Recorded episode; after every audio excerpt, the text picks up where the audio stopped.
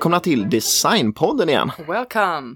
Och eh, ja, nu är det avsnitt nummer, Alltså jag vet inte det. nej, någonting, ni, nio Är det nio verkligen? eller åtta. Jag tycker det känns som åtta. Vi, vi säger att det är avsnitt nummer åtta av Designpodden. Det är pinsamt att inte ha koll. Eh, och eh, ja, vad, vad säger vi? Vad ska vi prata om idag? Idag, det är därför jag sa welcome, för idag ska vi vara very international. Va? Yes, vi ska vara amerikaner. Americans. Ja, nej, idag ska vi faktiskt prata om Charles and Ray Eames. Just det. Och det är egentligen så, många har väl hört det namnet givetvis och kanske Exakt. sett lite möbler och sånt som de har Men gjort. jag tror inte att man vet så mycket. Eller jag tror inte. Jag gjorde inte det i alla fall. Nej, inte om, om personerna bakom och, och så här. va. Så att vi, vi gör en liten, det blir en liten allmän, ja lite sådär, Men det lite, blir lite som vanligt känner jag. som vanligt. Så att vi, Lite personal som jag gillar. Ja, så Du kör går vi in lite, på grejerna. ja vi bara, ja, men, vi bara kör på helt enkelt. Så att vi kastar oss in i, i avsnittet.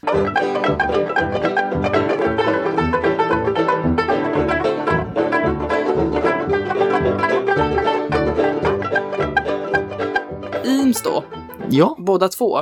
precis vilka var det? Ja, det ska, vi, det ska jag tala om. Nej, men de var ju då ett par, ett gift par. Mm, det är väl De, där många eh, gör misstag så jag tror att det är två män. Ja, men Ray låter ju som... Hon hette inte det. Nej, men det Men låter det låter ju som en man, ja. Ja. Charles and Ray låter väl så här, ja. Men i alla fall, det var det inte. Det var ett gift par. Det var ju liksom två av de absolut mest Mm. viktiga inom amerikansk modernism ju. absolut. Måste man väl ändå säga. Ja, det tycker jag absolut man kan göra. Det är ju, de, de är ju på något sätt präglat hela den amerikanska formgivningen på 1900-talet. Ja men eller hur, och det finns så i så jävulst många offentliga sammanhang och så vidare. Och framförallt att, att så otroligt mycket fortfarande finns i produktion av det de gjorde för 50 år sedan, liksom, Mm. ja, det 60 år är sedan. ju faktiskt helt sjukt. Mm. I alla fall, vi slänger med det. Jag börjar ta lite om Charles. Ja, Inte för att han var på något sätt bättre nej, än Ray. Det är ingen genus i det här. Men det kändes logiskt så. ja, Eh, ja, han hette då Charles Ormond Eames. Han föddes den 17 juni 1907 i St. Louis, Missouri. mm. Och mellan 1924 och 26 så studerade han arkitektur vid The Washington University. Mm. Men han tog inte examen. okej, det gick. Han kanske inte var riktigt... eh, Det fanns lite olika teorier så jag tog inte riktigt upp det men det var lite så här att han jobbade samtidigt och att han inte hade tid. Fast det fanns ju någon mer så här, ja att han, att han helt enkelt inte fick vara kvar. ja, han kanske inte var studiemotiverad. Nej men exakt, så jag, jag har ingen fakta där så jag tog inte upp det. Men han tog ingen examen i alla fall. Nej, det är lite intressant att han faktiskt inte är utbildad, eh, alltså med slutexamen. Nej, inte just då då. Nej. I alla fall så började han arbeta för eh, arkitekterna Trueblood and Graff. Jag vet inte om han hette Trueblood, för det tyckte jag var väldigt coolt. Men i Ja, alla det- fall. han fick ändå jobb då fast han inte hade någon examen, så det var ju trevligt. 1929 reste han till Europa och det var då han första gången kom i kontakt med modernismen. Mm, Okej, han gjorde resa till Europa och såg det som hände i Europa under den här tiden. Ja, alltså jag har inte jättemycket info om denna resa, men 1929 och Europa så är det ju ändå liksom, det har ju hunnit Jo, men det är mycket som, händer, mycket som händer och väldigt många som eh, hade så, ja, det var ju mycket på gång där. Det var ju det. Så det, det tog han till sig. Mm. Så när han kom tillbaka till USA, då startade han ett arkitektkontor med en eh, snubbe Mm. som heter Gray and Eames. Av någon anledning så blev han eh, chef för Department of Experimental Design vid en eh, Cranbrook Academy of Art i Michigan. Okej. Hur han blev det och så, det vet inte jag. På något, han måste ju redan då brunnit för det här, liksom det nytänkande och de nya grejerna som var på gång Ja, ja, inom det är formgivningen. ju, det är precis, det är ju såklart. Han tog ju med sig alla de här modernistiska idéerna och sådär. Och, ehm, till USA, men liksom hur, hur allting det där hände. nej, för att där är han ju, han, har- han har ingen examen att luta sig på, han har inget sånt. Och, Så att, att eh, det var 36 gammal han då, född 1907. Ja, han är inte jättegammal. nej, Det behöver man inte vara för att det ska gå bra, men det är liksom, det går ju bra ändå. ja. Och den här eh, Academy of Art, bla bla, experimental, den leddes ju av eh, eh, Saarinen, pappan. Han hette Ja, Han hette något eh, så här, Eilil, eller så här E-L-I-E-L. Han sa finsk fast American, jag har ingen aning om hur man säger det. nej, eh, inte jag heller faktiskt, men helt enkelt Eero Saarinens pappa. Ja, ja, Ja. exakt.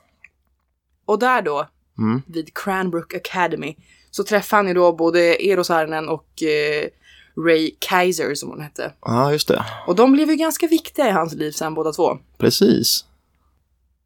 Men du ska ju ta lite mer om, om Saarinen och Eames. Ja, lite det tidiga samarbetet det kommer vi till sen där. Precis, så jag tar inte någonting om det, men i Nej. alla fall.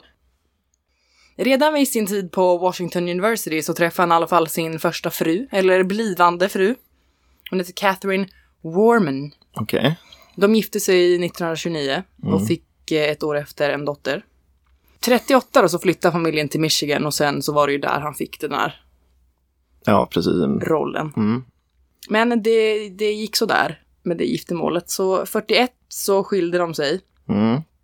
Och han gifte ju direkt samma år om sig med Ray. Just det. Så nu tänkte jag komma in lite på Ray. Ja, precis. Det jag känner att det där, det där är nog om Charles. Ja, då bryter vi honom där och går vidare till... Vi har några årtal, jag vet inte helt vad som hände. Ray då, eller Bernice som hon faktiskt hette. Ja. Hon föddes i Sacramento, California, Mm. 1912.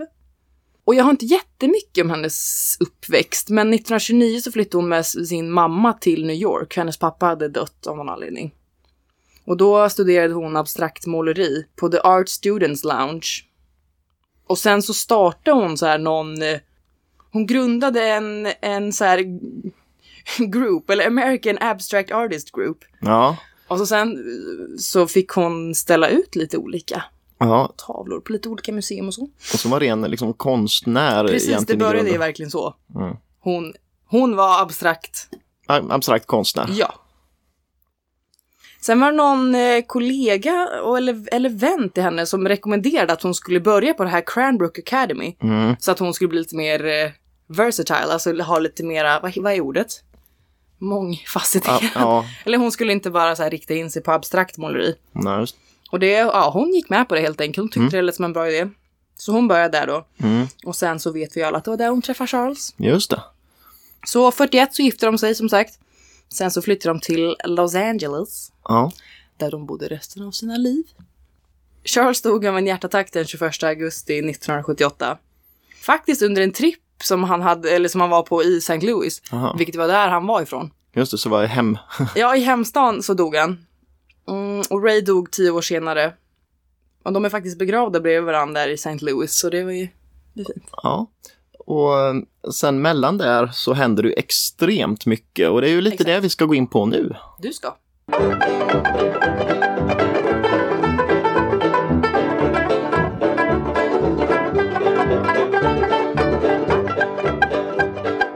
Ja, som vi redan varit inne på så eh, hade ju eh, Charles Eames ett, ett samarbete med Eero Saarinen eh, tidigt. Och Eero Saarinen är ju en sån person som vi behöver inte gå in på honom så det är jättemycket nu egentligen. Många, Gör en annan gång. Ja, många har väl säkert hört namnet. Han är känd för bland annat den här eh, Tulip-gruppen som är en matgrupp med så här tulpanfot och eh, han är känd för Wombshares som vi pratade lite om.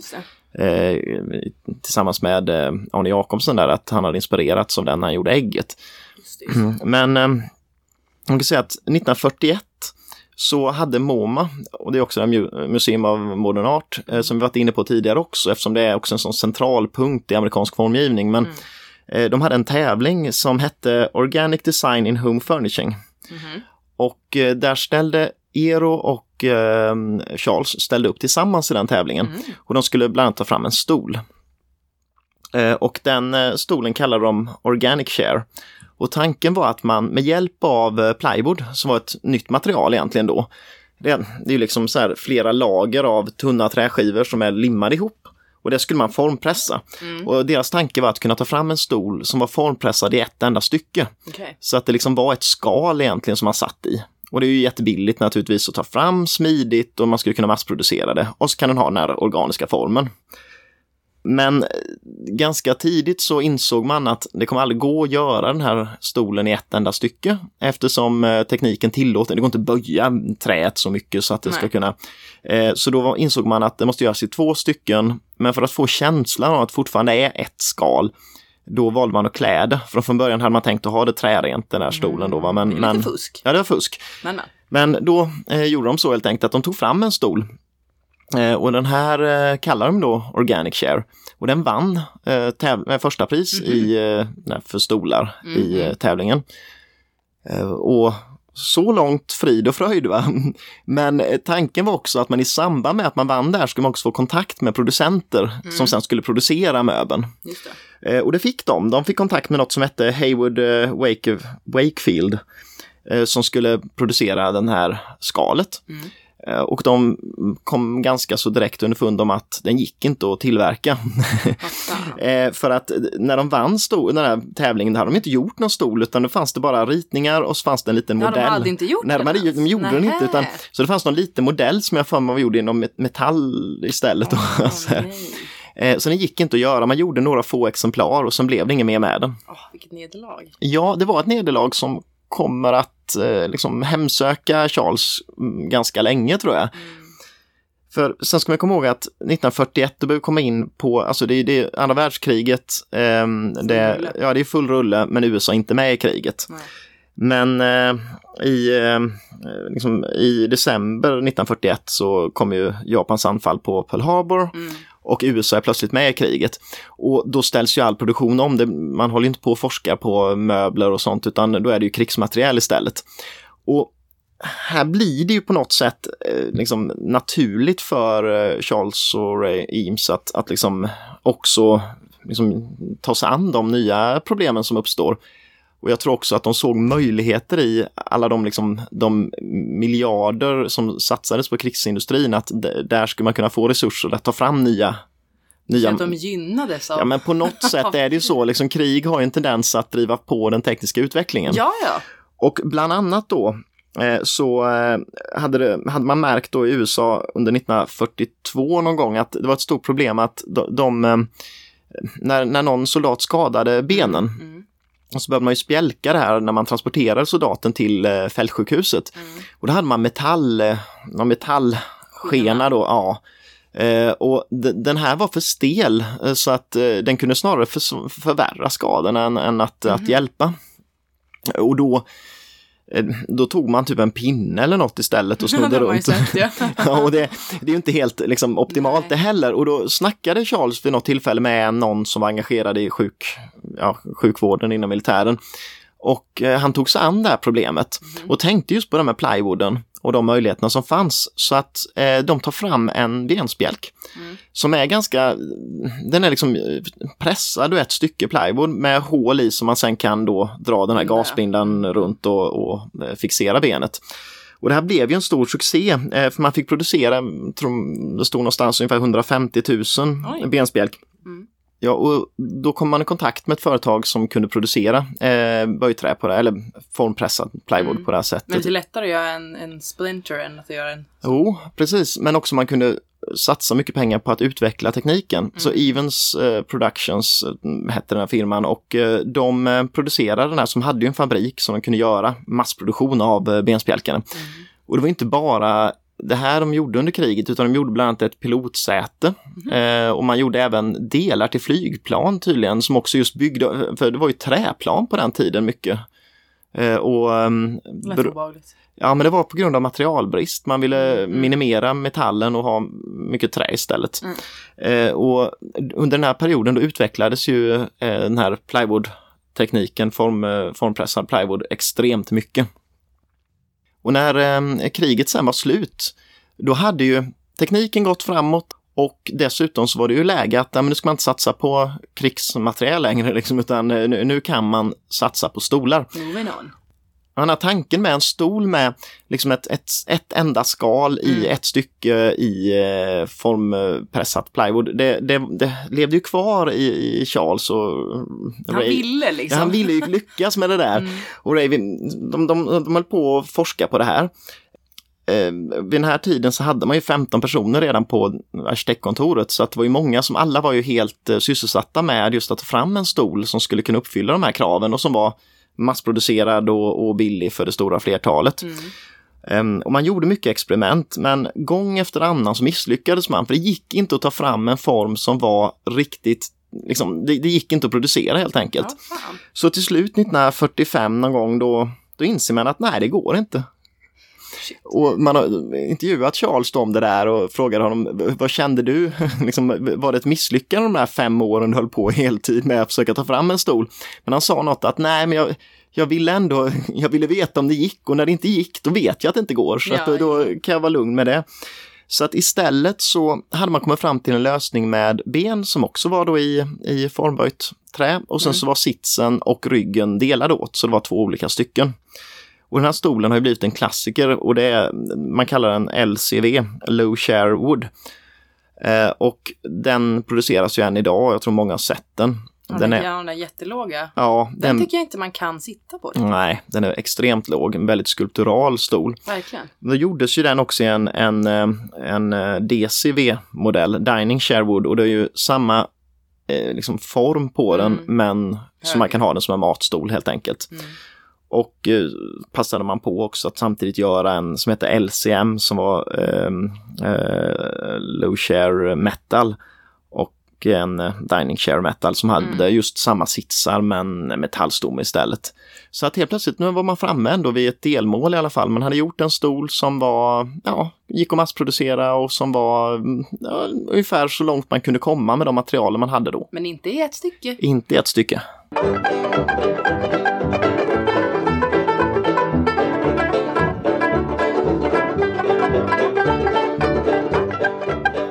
Har en liten grej jag tyckte var kul just på eh, kontoret eller i ateljén. Mhm. Eller the shop som de kallar det. Ja. Så har att det jobbar typ 15 pers där eller så. ja, 15 var det då efter kriget precis. I alla fall, jag läste att de anställde väldigt, en så här väldigt varierad eh, personal så att säga. Ja, Jag läste att det var allt ifrån eh, eh, krigsveteraner till så här Mm. housewives och bara så här lokala personer. Att, de- att de inte hade några krav på, nej att de inte på utbildning eller att man skulle kunna det i förväg utan att de snarare tänkte att man skulle learn by doing. Mm. Det är väldigt fint. Ja, men lite kul och dessutom då fint med tanke på att Charles själv länge då inte hade någon formell Kanske utbildning. Då. därför. De vågar inte ställa krav. Nej, Jag tänkte prata lite om deras hus. mm, exakt För ja. som med Finn Hjul så designade de sitt eget hus Ja. och bodde i. Mm. Huset var en del av ett eh, Case Study House. Det var något så program för en tidning som heter Arts and Architecture Magazine. Mm. Så det var, det var liksom en, en tävling Ja, det är som med. de gjorde så- det här ja. huset. Det här huset var då number eight i det här. Mm. Eller det blev ett modernistiskt fulländat hus egentligen. Ligger i Los Angeles och Mm. de byggde det 1949. Ja, Och det skulle då fungera som både hem och arbetsplats. ja. Tanken var ju verkligen att, att åstadkomma ett modernt hus med moderna material och moderna tillvägagångssätt. Alltså allt skulle vara ja då... nutid. Mm, just det. Och det, det var väl ändå ganska nytt. Ja, precis. Hur ser det ut huset? Eller hur, kan Ja, man nej, men beskriva det, det kommer vi till. Ja. Eh, målet var också att det skulle passa ett ungt gift par. Att det skulle vara, passa som deras hem och som arbetsplats och som ett, sä- som ett ställe att eh, entertain. Mm. Vad blir det? Underhålla. Ja, men precis. Så det, det var så här grunden till varför de byggde det här huset. Ja. Och det är ju då en, en, liksom en rektangulär eh, kub. Nej, en kub är bara kvadratisk. En rektangel. det är en rektangel Mm. av stål, glas och betong. Ja. Det låter inte så kul. Nej, men det är väldigt kul. Men det är ju det. Och tanken var ju då att man skulle kunna bygga det här huset av färdiga delar redan, direkt från liksom hyllorna.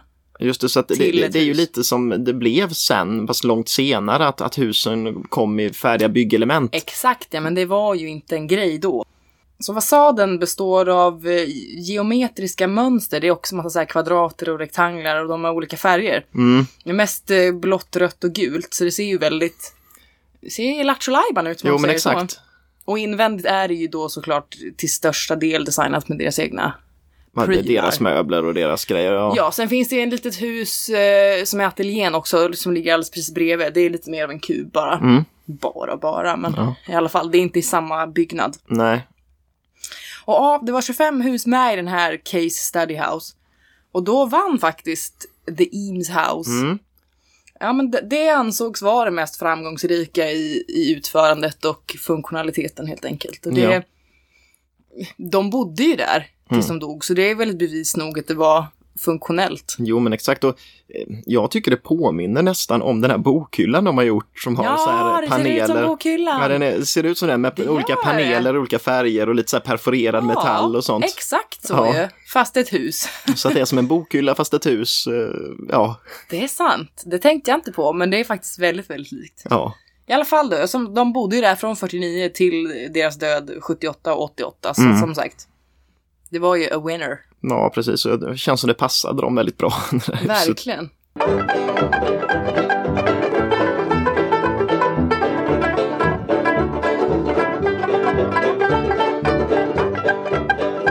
Om man ska gå in lite på några olika möbler som, eh, som eh, Ja, man tog fram vid deras studio.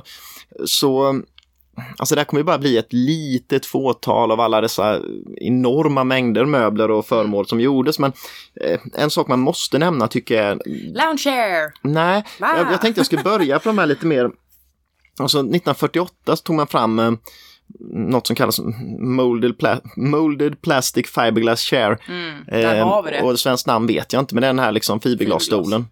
Och det är den som väldigt, kanske nästan flest har sett på något sätt. Det, den är relativt billig idag, det, går, liksom, det finns en produktion idag i plast. Men, Men det är samma. alltså, precis, för det är ju det. Tänk, Mm. Hör man Eames då tänker man de där plaststolarna i olika Ja. färger. För det är det man har sett. Eh, Och den här stolen, det känns som att allt de producerar, det är ju överdrivet, men det här var också en tävling då. Allt var fan Ja, För tävling. MoMA igen hade någonting, International Competition for Low Cost Furniture. Ja. Och tanken var att man skulle göra så här billiga möbler till medelklassen efter kriget. Liksom. Mm. För nu började folk köpa eh, hus som man köpte, liksom, som man hade ny lägenheter Ja. och så. Och då måste man ha billiga möbler som ändå var funktionella och bra. Och jag tror här såg Charles sin chans att jag äntligen göra den här Jo men jag tror att för, för Charles har det hängt med hela Ja, tiden här det är att här- göra en stol som är i ett stycke. Mm. Äntligen fick han göra det va. Eh, och den här stolen som de gör tillsammans och för den delen också ihop med många andra formgivare Mm. som jobbade för dem. Men den, det är ju ett koncept hela det här egentligen för det är ju ett skal. Yes. Eh, och det här skalet gjordes i fiberglas och polyester. Och det, det här var ju ett material som eh, amerikanska eh, militären hade tagit fram under, eh, under kriget eh, för att tillverka krigsmateriel i. Men fördelen är att det är ju liksom eh, hållbart och det är lättillverkat och så vidare. Sen har det nackdelar med att det är miljöfarligt och sånt där, men man tänkte inte på sånt då. Nej. Ehm, och eh, det togs fram en prototyp 1948. Och sen så tog man kontakt med då Zenit Plastics som var företaget som fick göra skalen. Och man använde en, en eh, maskin som eh, egentligen gjorde så mm, delar till skeppsbygge. Så förmodligen gjorde man fiberglas, eh, jag kan tänka mig båtskrov och sånt eh, Alltså, där vi vid. Och ehm, eh, så, ehm, ja, 1950 så, så presenterades den här stolen. Och det är ju den här, den första som kom var alltså den med armstöd, så det är ju Asså. den som är som en eh, karmstol egentligen. Mm, precis. Så att, ehm, ja, den här stolen produ- producerades för Herman Miller i USA och eh, direkt kunde den ställas om till massproduktion. Mm. Och nu är det ju så jäkla rörigt för de heter ju lite så här förkortningar alla och det, det slängs med dem fram och tillbaka och jag tänkte jag skulle gå igenom några Ja, olika namn på vet. dem. Sen så kommer de nämnas olika och vi har säkert fått något om bakfoten men ja, det är ändå, alltid. men ändå på något sätt. För de- Lita inte helt hundra på. Nej, men i alla fall, eh, de första som kom, de Mm. fanns egentligen bara i, i tre färger. Och eh, det var i greige, eh, det var väl någon grå-beige. Gråbeige här låter ju så. Ja, Grey det fanns i. Elephant Hide Grey som var mer... Hide? Ja, Alltså H-Y-D-E? ja. Här, Ele- Elefantgöm? ja. Ah. ja, jag vet inte tusan men, men Nej, det grå. är grå. Alltså grå, grå. Ja. Mm. Och sen parchment som är den här lite off-white smuts, smutsvita. Liksom. Smutsgul. Ja. Men sen ganska snart så kom det mängder med olika andra färger. Mm. Och eh, de hade olika eh, baser eller benställningar. Vanligast om man säger det, det är egentligen bara vanliga ben ner, och metallben. Metallben, ja. Mm. Eh, och de modellerna hette SAX, DAX och LAX. Sen fanns det några andra eh, baser då. Det fanns till exempel DSVn som är mest känd idag kanske. Eh, precis Oj, det. vad exalterad jag Ja, men så här, trä, eh, trä till exempel, ofta valnöt i Ja, benen och sen så hålls de ihop av en, ett eh, liksom stål, stål eh, liksom reglar. Tycker det är de allra bästa benen. Sen finns det DSR. Som är Eiffelbenet, det ser ut som lite som Eiffeltornet nästan, men det är ju helt i metall. Och sen så lite mer så här, de är inte staplingsbara, men de är, ja, en variant. Mm. Sen gjordes PACC som var kontorsstolen. Eh, så det är en central benställning och så kunde den ha hjul till exempel. Eh, och sen så har vi RAR, RAR eh, och det är eh, gungstolen. Ja, den. Eh, och den, den kom ju samtidigt redan som de andra benställningarna. Eh, men producerades bara fram till 1968. Mm. Eh, och den kostade inte så mycket mer än de andra stolarna egentligen. Men var tänkt som en lite sån här rolig, rolig attiralj till, eh, Den ser till väldigt rolig ut på något sätt. Det är nästan ålderdomligt och ändå barnsligt över att det är en gungstol men så här, i någon så här crazy orange färg eller någonting. Jo men exakt. Eh, och eh, den, ja, en sån här kul grej som, men, men ändå den slutade producera 68. Den kanske blev lite utdaterad på något sätt då. Kostar om man lite säger. mer på auktionen. Mm, gör den idag. vanliga. Finns ju idag igen i produktion. Mm. Man kan nämna också att eh, ändå så Herman Miller, de gav den ända fram till 1984 till eh, mödrar som fick barn som var anställda i företaget. Så den var Jaha. tänkt som en sån här liten, Och man satt och ammade och... ja, och eh, förmodligen också lite som en sån här lyxig barnrumsmöbel liksom. Mm. Ehm, och man upptäckte ganska snart att det behöv, fanns ett behov av en lite mindre stol också som inte var så här, för de här skalorna är rätt stora ju ja, det egentligen. de, det är de. Eh, Så då gjorde man också den här, eh, alltså en, en mindre variant som inte hade armstöd. Och det är det man ser oftast idag Precis, egentligen. det. Men det fanns till exempel inte som gungstol, så att alla man ser, gamla sådana som har gungbenställning, de, de, det är bara hittepå om man säger. Ja, okej. Eh, och eh, man kan väl tänka lite, för, för det kom ju sen också klädda stolar med Mm, och mm. massa olika varianter genom åren. Eh, och de produceras ju än idag. Eh, Vem är det som producerar idag då? Mm, Ja, det är ju Herman Miller och det. Vitra. Ja, Vitra. Eh, Vitra tillverkar ju i, i Europa. Yes. Och ehm, det man ska tänka på ska jag säga är att det finns kopior på marknaden. Mm. Dels finns det kopior av skalen. Eh, Där liksom man, har, man ska tänka på det i alla fall, man ska kolla på det för att eh, kopiorna är inte fiberglas trots att de eh, gör sken av att vara gamla utan det är bara Det var plast. plast som man sedan har präglat lite mönster för att det ska se ut som eh, fiberglas. tillverkas de inte i plast idag? Jo, plast tillverkas de idag och de är ju en helt annan känsla på. De är ju ganska livlösa, ungefär jo. som en Big Pack förpackning i. ja, ja, men kan det inte vara svårt att, att se skillnad på en som är real? Och inte om det båda är gjorda av Jo, fast, fast de här kopiorna som finns som är tillverkade borta i Asien, de, de försöker efterlikna fiberglasstolarna. Jaha, men gud vad korkat ändå. Ja, det, det är dåligt gjort. Kanterna är inget bra på dem och så vidare. Eh, så att, eh, ja, det ska man vara lite... eff- Liksom, Formen då, ja. är det liksom så? Den är väl ungefär samma. Mm. Men sen eh, benställningarna, det har ju blivit klassiskt på auktion att, eh, att sälja de här stolarna med senare benställning och jag tror att det har berott på mycket att de som går att sälja, de som säljer bäst är ju de där DSV-erna, de är med träben. Mm, oh ja. Men det har väl tillverkats ganska få DSV, för det var inte det man köpte till skolor och Nej. auler och massa sånt, utan då, då hade man de här sammankopplingsbara benen eller Mm, någonting och de är ju inte så eh, funktionella i ett hem. Va? Eh, och då har många bytt till eh, reproduktionsben. Bara just kanske också för att originalben kostar väldigt mycket pengar. Mm. så de kostar lika mycket som vad man får för en stol på auktion. Just det. Eh, men de här benen är ju helt enkelt inte lagliga så att... eh, Men hur många liksom, procent av alla stolar med träben man säljer skulle du säga har senare ben? ja, i, i Europa av de som har fiberglasskal, 95% har ju senare ben. Mm. Eh, och de är inte lagliga att sälja på auktion, de är inte lagliga att sälja på Blocket. Så att man ska vara lite sådär varsam med, med det där. Men så egentligen så jävligt svårt att hitta med träben. Jättesvårt att eh, hitta. Som är liksom äkta. Man får leta, ska man ha det idag så får man nog egentligen eh, antingen då att någon har varit så här som har köpt eh, liksom från Vitra, men det kostar ju Mm. mycket pengar alltså. Jo, jo, exakt. Eh, och i regel så, annars om man ska hitta en sån här cool gammal, då får man, det går att hitta på Ebay, men det kostar ju därefter faktiskt för att det, Mm, det finns mm. inte så jättemånga.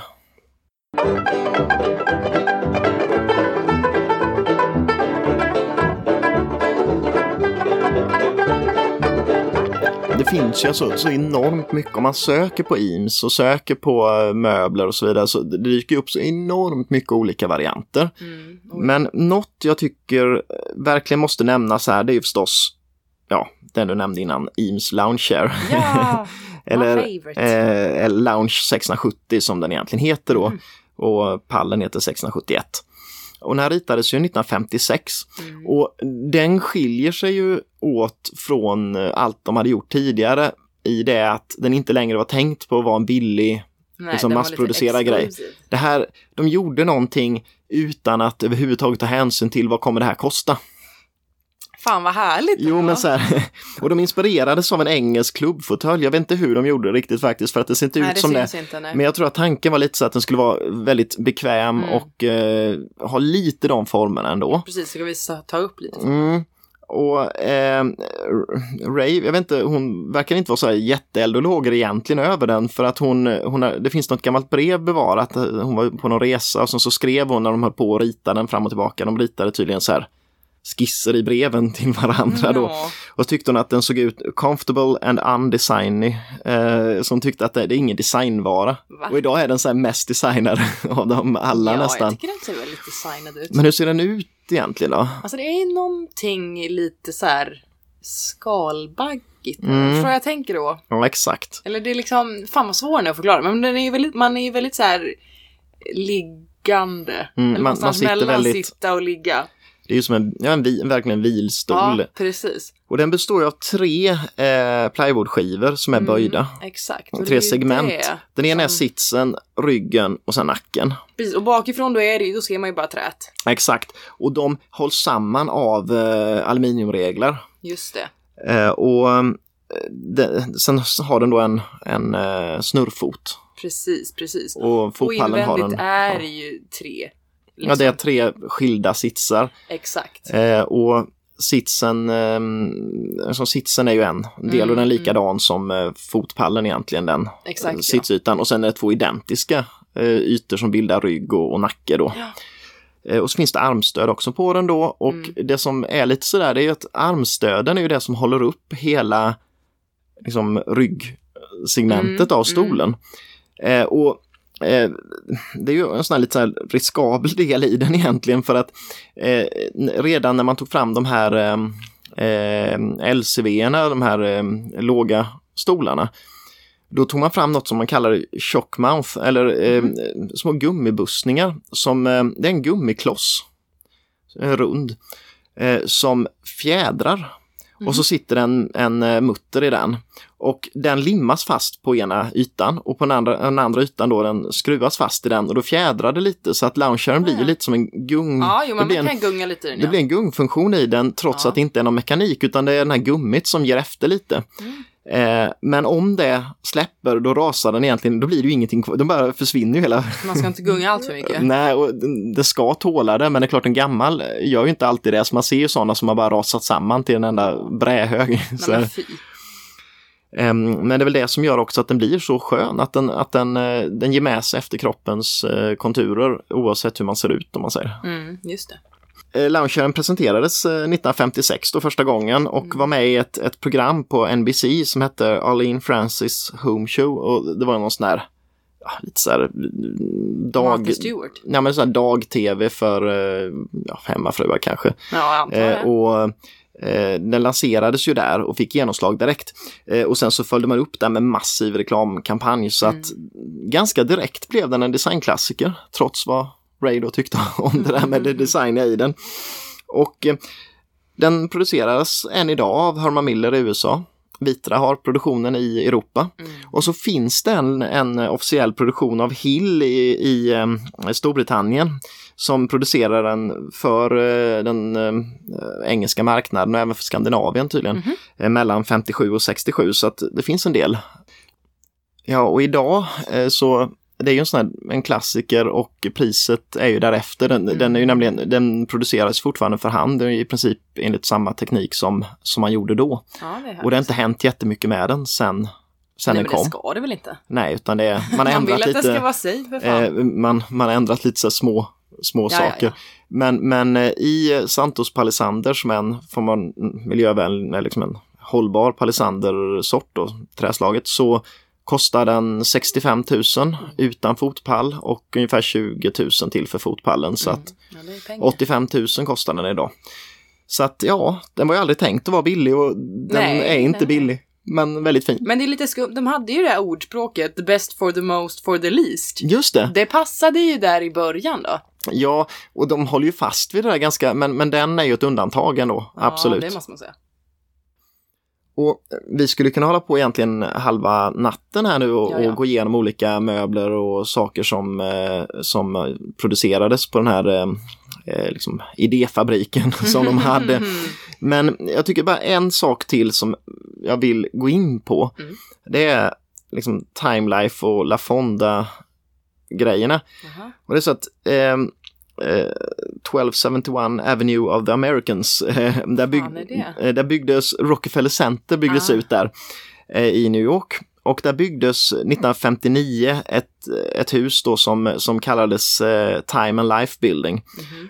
Eh, och det var en 48 vånings eh, liksom så här, kontorskomplex, ganska så klassiskt amerikanskt eh, liksom, bygge under den här perioden. Och orsaken till att man kallar den Time and Life, det var helt enkelt att Time Incorporated hade stora delar av byggnaden och det är de som gjorde Time Magazine och Life Magazine. Mhm, okej, det är Ehm, samma. Ja, och då, då liksom, det var därför man kallar den det och Ja. hela huset präglades väl ungefär av det här formspråket som Eames hade. Mm. Och som kuriosa kan nämnas att, att eh, i Mad Men så ska ju det här designkontoret ligga på 37 våningen i, i eh, Time and Life Building. Ja, är det Eames i? Eh, bör väl finnas med en Jag hel del inte Eames riktigt i. kollat det. Jag tror det. Eh, nu. Men hur som helst. Eh, eh, där i alla fall så eh, på, på första våningen så skulle en eh, restaurang öppna som eh, kallades La Fonda del Sol. Eh, och det var en, en liksom så latinamerikansk restaurang Ja, tema. Eh, och då så, eh, Alexander Gerard eh, var en formgivare som skulle göra inredningen dit. Och då bad han eh, makarna Eames att göra möblerna. Mhm. Och då bland annat så skulle de ha stolar som inte var högre än borden. De skulle liksom inte sticka upp utan det skulle Inte bli så här, ryggen? Nej, ryggen, ryggen skulle inte se- utan det skulle vara lika hög som, Ja, ja. som bordet. Ja, ja, det är inte så Och då gjorde de om, så de gjorde om som de gjorde två nya kan man säga fiberglasstolar eh, som baserades på både den här med och utan armstöd men som har liksom lägre rygg. Mhm. Så att den här med armstöd den var liksom bara rund runt, det gick inte upp överhuvudtaget vid ryggen utan det bara gick upp Ja. lika högt som armstödet och sen så blev det inte högre. Och de eh, utan armstöd var bara lägre i Det låter ryggen. inte så skönt. Nej, utan det var väl en designgrej då till den här. tänkte Nej, det var väl, sitt inte för länge. Så. och sen eh, det nya där var också att, att en ny fot gjordes som var helgjuten i, en centralfot helgjuten i Mm. aluminium. Mm. Och den här brukar kallas eh, La Fonda-stolarna eh, av naturliga skäl då, men men egentligen heter de eh, 1700 och 1730 de båda modellerna. Ehm, men det här blev ju ja, liksom en, ett sånt projekt. Men, men utöver det så gjorde ju även ehm, eh, makarna eh, möbler till eh, Times lobby i huset. Mm. Och det de ville göra där var att ta fram en stol som var lite som loungechairen men mindre och, och liksom lättare att flytta runt och lättare att placera. Ja, den är ganska tung ju. Ja, det, och det är inte så lämpligt kanske att man ska inte vara, bli så bekväm Nej, i en man ska lobby. inte utan- sova, nej. Eh, och då gjorde de en, en stol som, som eh, brukar kallas eh, Time Life-stolen. Mhm. Eh, och det är ju en, eh, liksom en kontorsstol egentligen, eller en mötesstol som också bygger på de här tre eh, segmenten. Har en sits och sen så en rygg och en Mm. nackdel. Så det är kuddar och sen så stomme helt i aluminium. Och den gjordes eh, dels liksom utan hjul och så gjordes den även med hjul som eh, en konferensstol. Och det är en sån klassiker som än idag produceras och kostar väldigt mycket pengar. Eh, jag tror att nypris är också 60-70 tusen någonstans för den, trots att det är en kontorsstol. Ja, jo, det är ju. Men väldigt eh, speciell. Och i det här projektet också så en annan sak de tog fram det var pallar eller sidobord egentligen som ser ut som schackpjäser ungefär. Ja, de såg jag. Det ser ut som bonden, liksom. Ja exakt, de, de, brukar kallas eh, walnut stools. Eh, så att- Stol, ja, det blir pall. det är ju pall och det, det, det är ju tänkt som, alltså de är ju skulpturala men eh, ja, det, är en liten skulptur. Men du har den så du kan sitta på den eller ställa kaffekoppen eller drinken på den. Då, Men det är liksom. lite kul ju. Och sen så är de skålformade både upp till och ner till så man kan ha dem åt vilket håll som helst. Och tydligen var det enligt, enligt, eh, enligt Eames då så var det svåra var att hitta hur mycket skålformar de fick vara, för de skulle vara sköna att sitta på, men samtidigt skulle inte glaset välta om man ställde det på dem då, så att eh, de, till slut fick de fram en så här perfekt, Mm. perfekt eh, skålning i dem.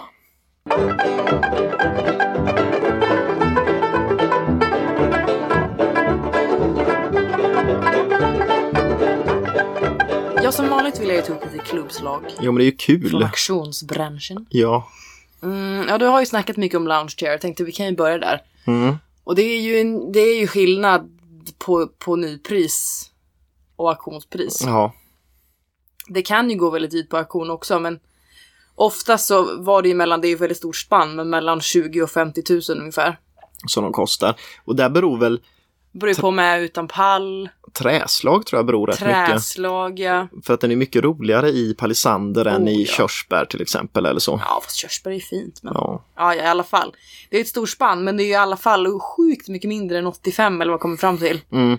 Lite som eh, äggfåtöljen egentligen där att den kostar eh, en bit över 100 liksom i, i butik och den kostar 30-40 liksom. Precis ja, och där, där, jag, jag fattar inte sånt för att jag vill ju så mycket hellre ha en gammal. Jo. Fattar jag kan få en för 20. Mm. Och, och det jag tycker också är där som man märker enorm skillnad, för visst de tillverkas ju enligt samma tekniker Ja. och sådär, men jag tycker liksom ehm, skinnet känns så jäkla plastigt. Eller hur? Det Eh, finns liksom ingen liv. Nej, de, de gamla skinnen, de är ju nästan så här tjockt, Mm. mm. kraftigt. Det, Mm. det känns som det inte ska kunna gå sönder. Det nya Eller känns som hur? det sitter liksom med en knapp på bakfickan så kommer det bli en Det repa. känns lite plastigt på ja, något sätt. inte, inte alls samma grej. Så att, Nej, eh, jag tycker inte heller det.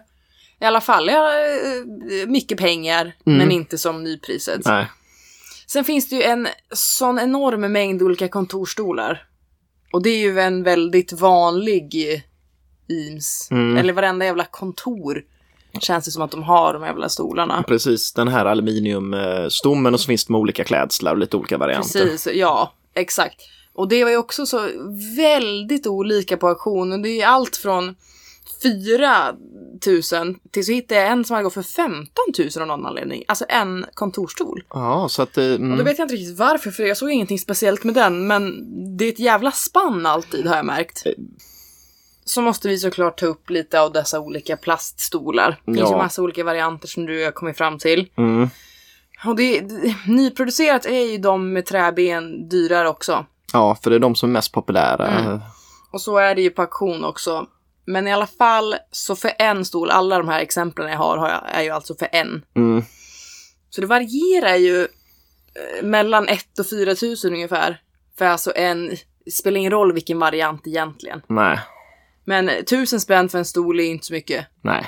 Men eh, fyra, då är det ju liksom, då börjar vi komma upp i nyproducerat priserna här. Mm, exakt. Nyproducerat är ju över 4 tusen för en med träben. Mm, Och runt eh, två och ett halvt för en med stålben, lite mer beroende på. Alltså allt beror ju på utförande och sånt hela tiden. Mm, just det. Och det man ska komma ihåg där är väl egentligen främst att eh, det är lite vanskligt att kolla på att alla har ju alltid sålt dem där med eh, reproduktions, alltså Mm, repro- just det, just replikaben. Eh, och de är ju helt enkelt inte, ja de är ju inte lagliga egentligen så att de, det, det finns väldigt mycket färre ute på marknaden idag i och med att man har rensat upp eh, Precis, kraftigt ja, där. Precis. I alla fall, det blir ju mycket pengar, för ofta så säljs de ju inte än bara, de här plaststolarna. Så det, det blir ju mycket Mm. om man kommer upp i större kvantitet. Men just för en mellan 1 och 4 000 ungefär. Ja. Dyrast ever då, Mm. som jag alltid tycker är roligt. Mm. Det, och det är den här, det här är också ett sjukt exempel tycker jag. Mm. Det är alltså en sån här plast, en sån här karmstol. I fiberglas, någon sån. eh, Precis, med träben. Den var svart, bara skittråkig. Det var på Sotheby's i Hongkong 2014. ja. Och alltså den, den enda lilla stolen Ja. gick för ungefär 400 000 Mm. för en. Och där stod det ingenting varför. Nej, det jag förstår inte varför. måste funnits någon bra, ja. Det, var, det stod ingenting där. Det, jag hoppas att det var något speciellt, för att det är ju Mm. helt Om det var någon av dem. galet. För det brukar ju inte räcka. Åldern kan ju avgöra lite på de skalen Oh. normalt sett. För att man kan ju se de allra första är är ju de man brukar kalla rope edge. Mhm. Då ser man ett tydligt rep runt eh, gjutformen som är ingjutet i, i Mm. den här fiberglasmassan. Och de vet man är de här allra, allra första och de brukar kunna kosta en 20 000 eller sådär. Men, det, är ju skillnad inte på i 20 närheten av... 400. Ja, helt Ja, det sjukt. kan finnas någon, någonting där. En kul kring. Men ändå, mycket pengar. Sen var det en liten kul grej, men det fanns också väldigt högt upp där eh, en, en plywood eh, folding screen, eller så här en skärmvägg Mm. liksom. Som var lite kul och det var också på Sotheby's i Hongkong samma år. Och den gick för ungefär 300 000. Mm. Och det är också en sån klassiker men ska inte, ja, väldigt högt. Det växte väldigt, väldigt mycket pengar. ja, Sen kommer vi då till de här hyllorna som du tog upp lite. som såg ut som, han, huset. som, som huset de Mm. gjorde det. ESU som de kallar, Eames Storage Units. Eh, och de ser lite olika ut, men det är mycket de här eh, kvadraterna och rektanglarna i olika färger och, Mm. och så. Och då hittade jag en på Sotheby's eh, i USA 2011 som hade gått för 270 000. Mm. Det var inte heller någon så här stor hylla. Utan det var någon standard. Ganska standard hylla liksom. De ser ju roliga ut, men den var liksom inte... Nej, vad kostar de normalt sett auktion där, de där hyllorna? Vi hade ju några andra klubbslag men det är klart de kostade. Det var de som ofta dök upp på de här eh, listorna över de högsta Ja, klubbslagen. jag såg väldigt många just på de högsta klubbslagen, men... Och många runt hundra någonstans där tror jag som eh, det fanns ett antal klubbslag. Men ja, ja, 270 det var ju uppenbarligen det dyraste ja, för en sån, men ändå. ja, roliga. Mucho manis. Ja men det här var väl lite vad vi hade kring, kring just makarna Eames och deras, eh, deras studio. Mm. Ehm, vi har inte alls gått in på, alltså till exempel så gjorde de ju jättemycket film. Mm, De gjorde så rekla- reklamfilmer och informationsfilmer och sånt. Och de gjorde Mm. bland för IBM och de gjorde för, för Polaroid och så vidare. Va? Ja, vi kollade ju på en dokumentär där och den fokuserade ju ganska mycket på, På den biten. på. Och det kändes ju ja. mycket, jag tycker man kan dra paralleller till eh, Andy Warhols The Factory lite för att det var så här Mm, jo. helt flippat. Det känns som att eh, de gick på cirkus och sen Ja. så skulle helt plötsligt allting vara en cirkus och man eh, Massan höll, när, när Charles höll på att filma modelltåg och så här mekaniska leksaker och sånt där. Så att Mm. det var nog mycket lekstuga i kombination med det här skapandet då på något sätt. Oh, ja. Och det är ju intressant naturligtvis, men något vi har valt att hoppa över lite för att få en lite mer fokus på eh, möblerna och det som blir de handfasta resultaten Ja, av alltså, det här. Det är ju såklart kul med just de där anekdoterna som folk inte vet om, men det kändes inte som att, Nej, vi hade inte riktigt utrymme för det här. nej vi tyckte inte det. Så det var väl lite det vi, eh, ja, det vi kom fram till Det var det vi idag. hade, yes.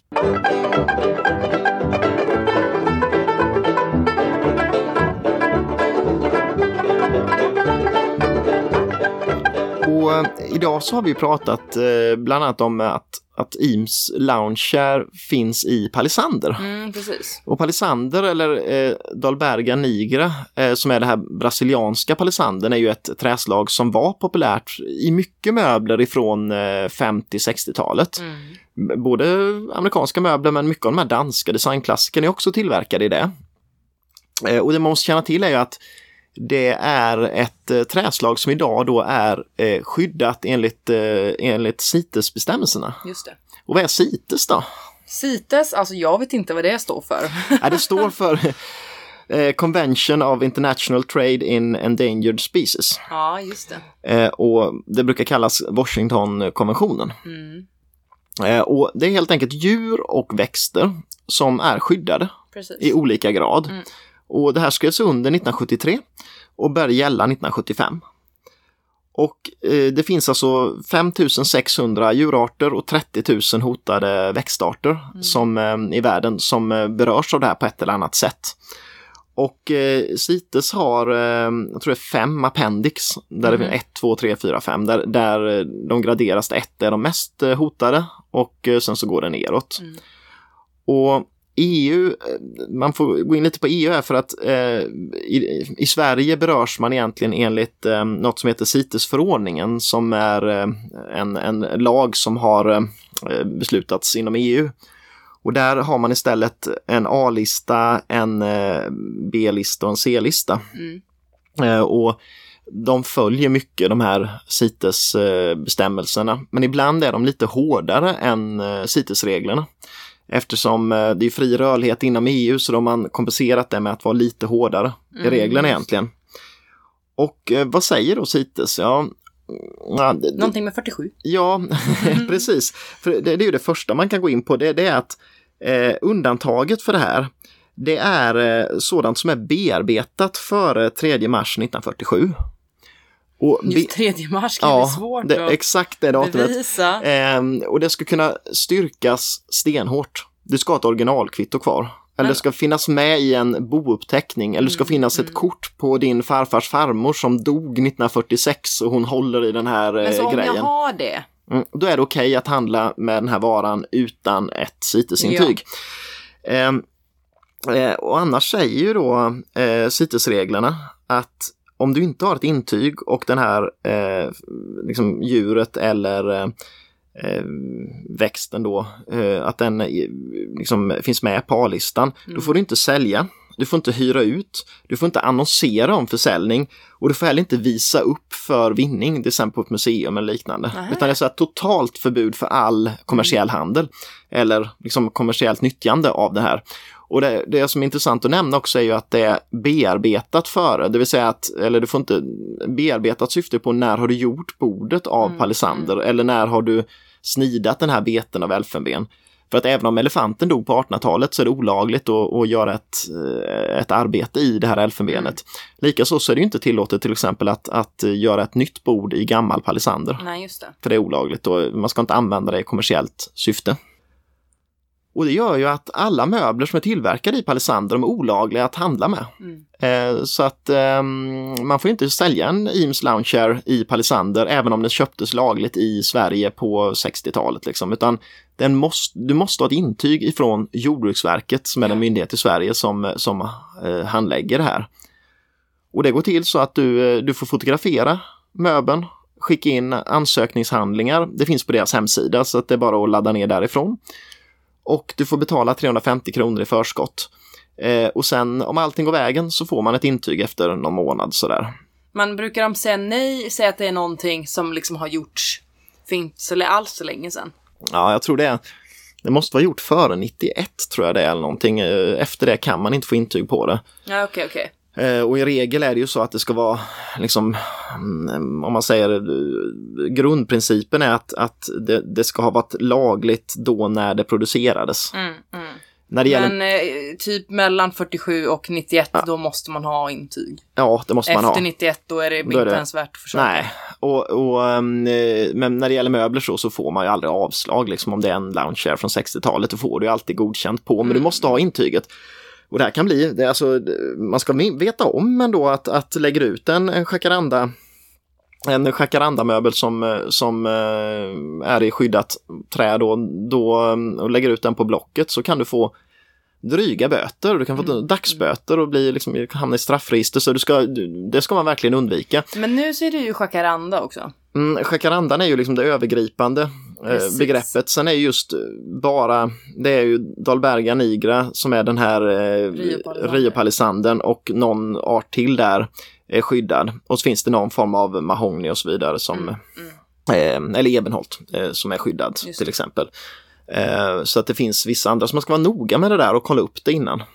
Och vara medveten om att det är lika skyddat som elfenben så att eh, man ska inte handla med det utan intyg. Ja, det var ungefär det vi hade idag va? Det var exakt det vi hade idag ska jag säga. Eh, och eh, vill man oss någonting som vanligt så kan man väl slänga iväg ett mejl till oss. Yes, designpodden är gmail.com. Och man kan eh, kolla in vår eh, Instagram-sida. Designpodden. Ja, och Facebook finns vi på. Yes. Och nästa vecka kommer vi tillbaka med ett nytt avsnitt. Mm. Eh, och ja, vad det handlar om får vi se nästa Det vecka. märker vi. det märker vi. ja.